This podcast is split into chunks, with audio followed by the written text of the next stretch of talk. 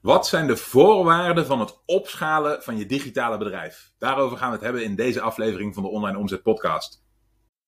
Dus je bent ondernemer en je ziet de enorme kansen die het internet biedt om je bedrijf te laten groeien. Maar hoe grijp je deze kansen? Wat moet jij doen om in de online wereld je bereik, impact en je resultaten te laten groeien? Mijn naam is Michiel Kremers en in deze podcast neem ik je mee achter de schermen in een modern, hardgroeiend online bedrijf en ontdek jij het antwoord op de vraag: hoe worden kleine ondernemers groot? Hallo, mijn naam is Michiel Kremers en welkom bij een nieuwe aflevering van de Online Omzet Podcast. In deze aflevering wil ik het met je gaan hebben over hoe je je digitale bedrijf opschaalt. Het opschalen van een internetbedrijf is een term die we heel vaak langs horen komen. Bijna alle ondernemers zijn op zoek naar de sleutel, de code die gekraakt moet worden om te scalen, zoals ze dat noemen. Maar om een bedrijf daadwerkelijk succesvol op te schalen, komen er meer factoren om de hoek kijken dan je in de eerste instantie zou denken. Het is niet een simpele kwestie als simpelweg je advertentiebudget opschroeven of aan meer bezoekers zien te komen, linksom of rechtsom. Nee, op alle niveaus en op alle lagen van je bedrijf moet er geschaald worden en moet je bedrijf schaalbaar worden. Daarover had ik vandaag een interessant gesprek met een aantal van mijn beste deelnemers. En ik heb er een video van gemaakt die ik je niet wil onthouden. Dus laten we snel gaan kijken. Wat ik persoonlijk heel interessant vind. Ik uh, ben de laatste tijd heel erg aan het uitzoomen en bezig met, hè, als ik naar jullie kijk, als ik kijk naar de mensen die ik begeleid, op alle niveaus van coaching die ik geef. Wat zijn nou de gemene delers? Wat zijn nou de, de punten waarop ik de overeenkomsten zie van mensen die slagen, mensen die struggelen, mensen die moeite hebben. Wat is het verschil in die ondernemers? Wat zijn de niveaus? Wat zijn de stapjes? Wat zijn de traptreders? En hoe kan ik, die een, hoe kan ik dat beestje een naam geven om je het punt waar je zelf op zit te laten herkennen? Dus de komende periode wil ik daar een aantal keer op terugkomen. Het is te veel om in één sessie te doen, want ik wil ook graag op jullie vragen ingaan. Maar laat me een stukje daarvan uit de doeken doen. Je ziet hier een klein rijtje met dingen staan. Ik zal hem ietsjes dichterbij halen. En dat gaat over het schalen van je bedrijf. Het schalen van je bedrijf is uiteindelijk altijd het doel. En met het schalen van het bedrijf bedoel ik alles. Dus het aantal klanten, de omzet, de uiteindelijke winst en dus wat je eraan overhoudt als ondernemer. Zodat je, pardon, ik heb net uh, corona achter de rug. Dus daar zit er nog een, een, hoesje, uh, een hoesje bij me. Um, dus dat, uit, je uiteindelijke doelen, wat die doelen ook zijn, zijn bijna 9 van de 10 keer zijn altijd gerelateerd aan het hebben van financiële middelen. En het, het hebben van financiële middelen is gekoppeld aan het resultaat van je bedrijf. En het resultaat van je bedrijf heeft alles te maken met de hoeveelheid klanten die je kunt servicen en de, de uh, winstmarges die je per klant binnen kunt halen. Dus die twee factoren zijn dan even het einddoel. En dan bouwen we het, uh, het, het proces daar naartoe op uit een aantal ingrediënten. Er zijn dus een aantal dingen die we daarvoor moeten schalen. In de eerste instantie moeten we de ondernemer zelf schalen. Dat betekent dat wij zelf als speel in deze organisatie schaalbaar moeten zijn, moeten groeien, moeten verbeteren, mee moeten kunnen. De markt waar we in zitten moet schaalbaar zijn. Dit is een voorwaarde om je bedrijf te kunnen schalen. De deliverable, oftewel ons product, hetgene wat we aanbieden, moet schaalbaar zijn. Hè? Dus een heel snel voorbeeldje. Als jij uh, gebouwen voor uh, industriële bedrijven oplevert, hè, dan is dat een heel stuk minder gemakkelijk reproduceerbaar dan bijvoorbeeld een e-book. Oké? Als je een gebouw moet opleveren, dan komt daar nogal wat bij kijken. Je, doet het heel goed als je één gebouw per vijf jaar kunt opleveren. Zie dat maar eens te verdubbelen. Oké? Dus de deliverable moet schaalbaar zijn. En het bedrijf zelf, dus de mensen binnen het bedrijf en de assets van het bedrijf moeten schaalbaar zijn. En al deze onderwerpen wil ik de komende tijd de revue laten passeren, beginnende met die ondernemer. Oké? Een ondernemer die tegen grenzen aanloopt, een ondernemer die uh, een bottleneck is in zijn eigen bedrijf, die, is, die, die heeft meestal de bottleneck op één van drie gebieden. Oké? Ofwel een bottleneck op het gebied van eigenschappen van de persoon, oftewel hoe wij zelf als persoon in elkaar steken, daar kan een bottleneck zitten. Uh, op het gebied van skills, hè, dingen die we kunnen, die nodig zijn voor ons bedrijf. Dus het kan zijn dat we iets niet kunnen wat we moeten kunnen voor ons bedrijf. En op uh, het stukje overtuiging. Dus het kan zijn dat wij iets geloven over onszelf, over onze onderneming, over hoe de wereld werkt, over hoe onze markt werkt, wat niet klopt. Waardoor we niet vooruit kunnen, waardoor we niet groeien, waardoor we als ondernemer een bottleneck zijn. Oké? Op die drie gebieden uh, kunnen wij als ondernemer achterblijven en kunnen we verbeteren. Dus dat is het, uh, als je jezelf de vraag stelt, hoe schaal je de ondernemer? Dan zijn dit de drie gebieden waarop de ondernemer schaalt. Oké? Maar laten we beginnen met die eigenschappen. Een, ehm, een eigenschap van een ondernemer kan bijvoorbeeld zijn dat je heel gestructureerd bent van jezelf. Oké? Daartegenover staat dan dat je heel ongestructureerd bent. Dan is dus de vraag, als, als de bottleneck zit bij het punt ondernemer, dan is dus de vraag, als we het hebben over eigenschappen, oké?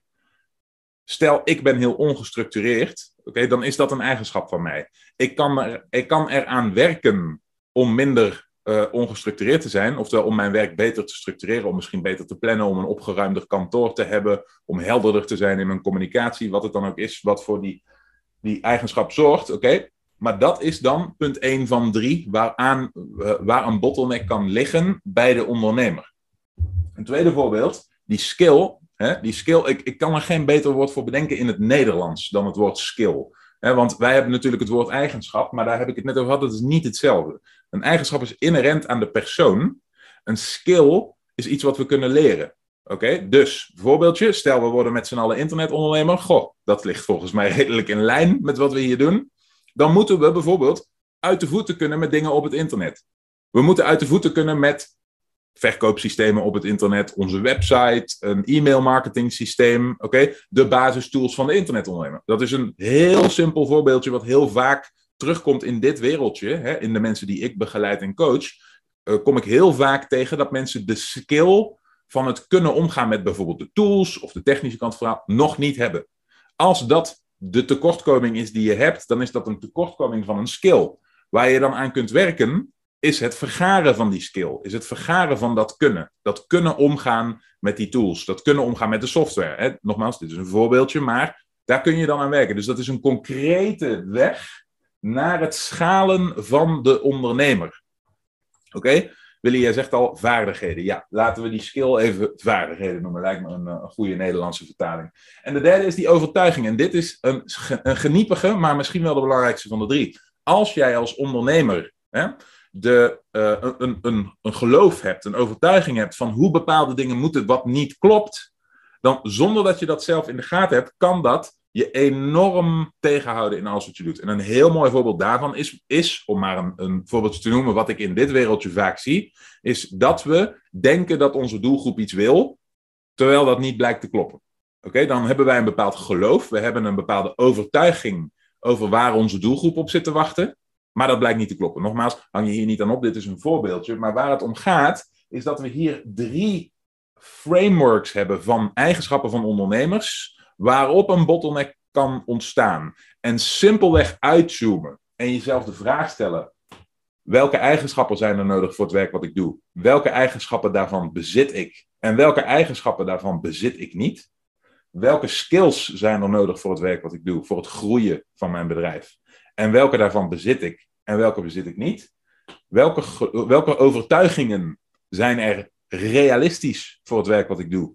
Bezit ik die, bezit ik die niet? Wat zijn mijn eigen overtuigingen en vormen die een bottleneck? Simpelweg deze oefening, dat uitzoomen en van een topview kijken naar je eigen situatie, naar jezelf als ondernemer, kan heel veel schelen.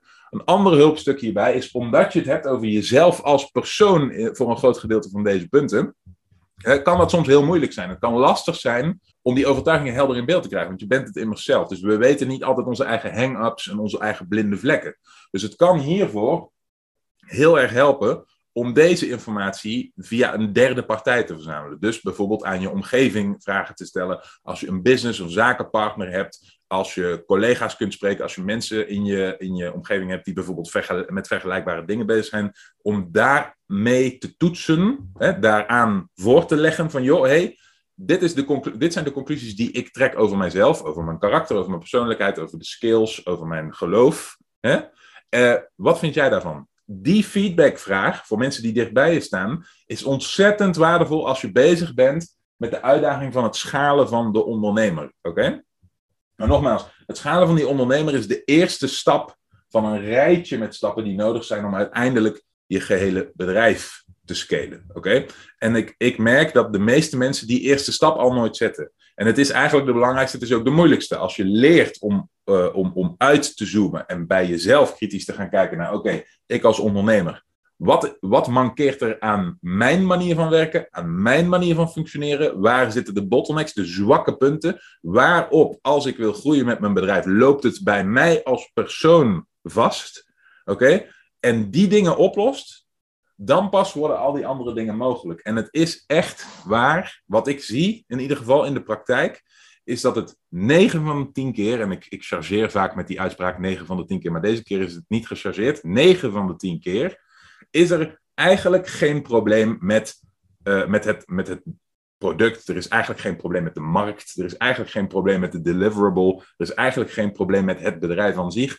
9 van de 10 keer zijn er problemen, hè, zijn er tekortkomingen op het gebied van de ondernemer. En dat is normaal, oké? We worden allemaal, geen van allen worden we geboren als perfecte ondernemers. Dus dat, dat is normaal. Maar er wordt vervolgens niet aangewerkt. Oké? Er wordt niet kritisch nagekeken. Er wordt niet over nagedacht. Er wordt niet aan zelfontwikkeling gedaan. Er wordt niet gekeken naar, hey, wat doen mensen die al geslaagd zijn in deze richting nou anders dan ik? En is het dan misschien niet een goed idee om mezelf qua ontwikkeling in die richting te bewegen? Dat soort vragen worden niet gesteld. En dan blijf je altijd worstelen. Dan blijf je altijd tegen diezelfde obstakels aanlopen. Dan blijf je elke keer opnieuw teruggaan naar hetzelfde punt. En het stomme hiervan is, dat voelt alsof er bij die overige punten dingen misgaan.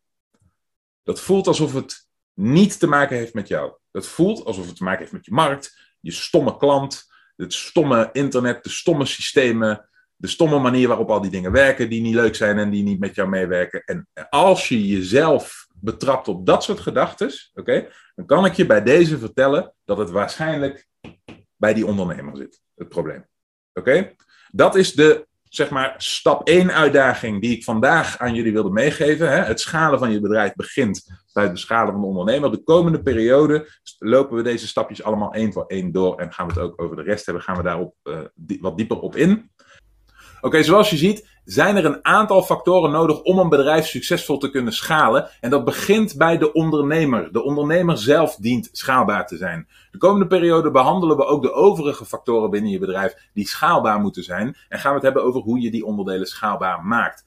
Als dit nou vraagstukken zijn waar je zelf mee kampt. Als je bij jezelf denkt, hey, dit zijn dingen waar ik in mijn dagelijkse werkzaamheden tegenaan loop. Misschien is het een kwestie van schaalbaarheid wat jou telkens niet lukt. Je loopt tegen grenzen aan van de groei van je bedrijf en je hebt daar misschien wat hulp bij nodig. Dan is deelname aan een van mijn trajecten misschien een goede oplossing. Ga dan naar onlineomzet.com slash interesse. Dan kijken we wat we voor elkaar kunnen betekenen. Ik zie je in ieder geval heel graag terug in de volgende aflevering. Bedankt voor het luisteren. Heb je iets aan deze aflevering gehad of heb je een vraag? Laat het me weten via de comments. En vergeet niet te abonneren. Dan blijf je op de hoogte van alle tips en strategieën waarmee jij als moderne ondernemer groot kunt worden. Voor een overzicht van alle afleveringen ga je naar onlineomzet.com/podcast.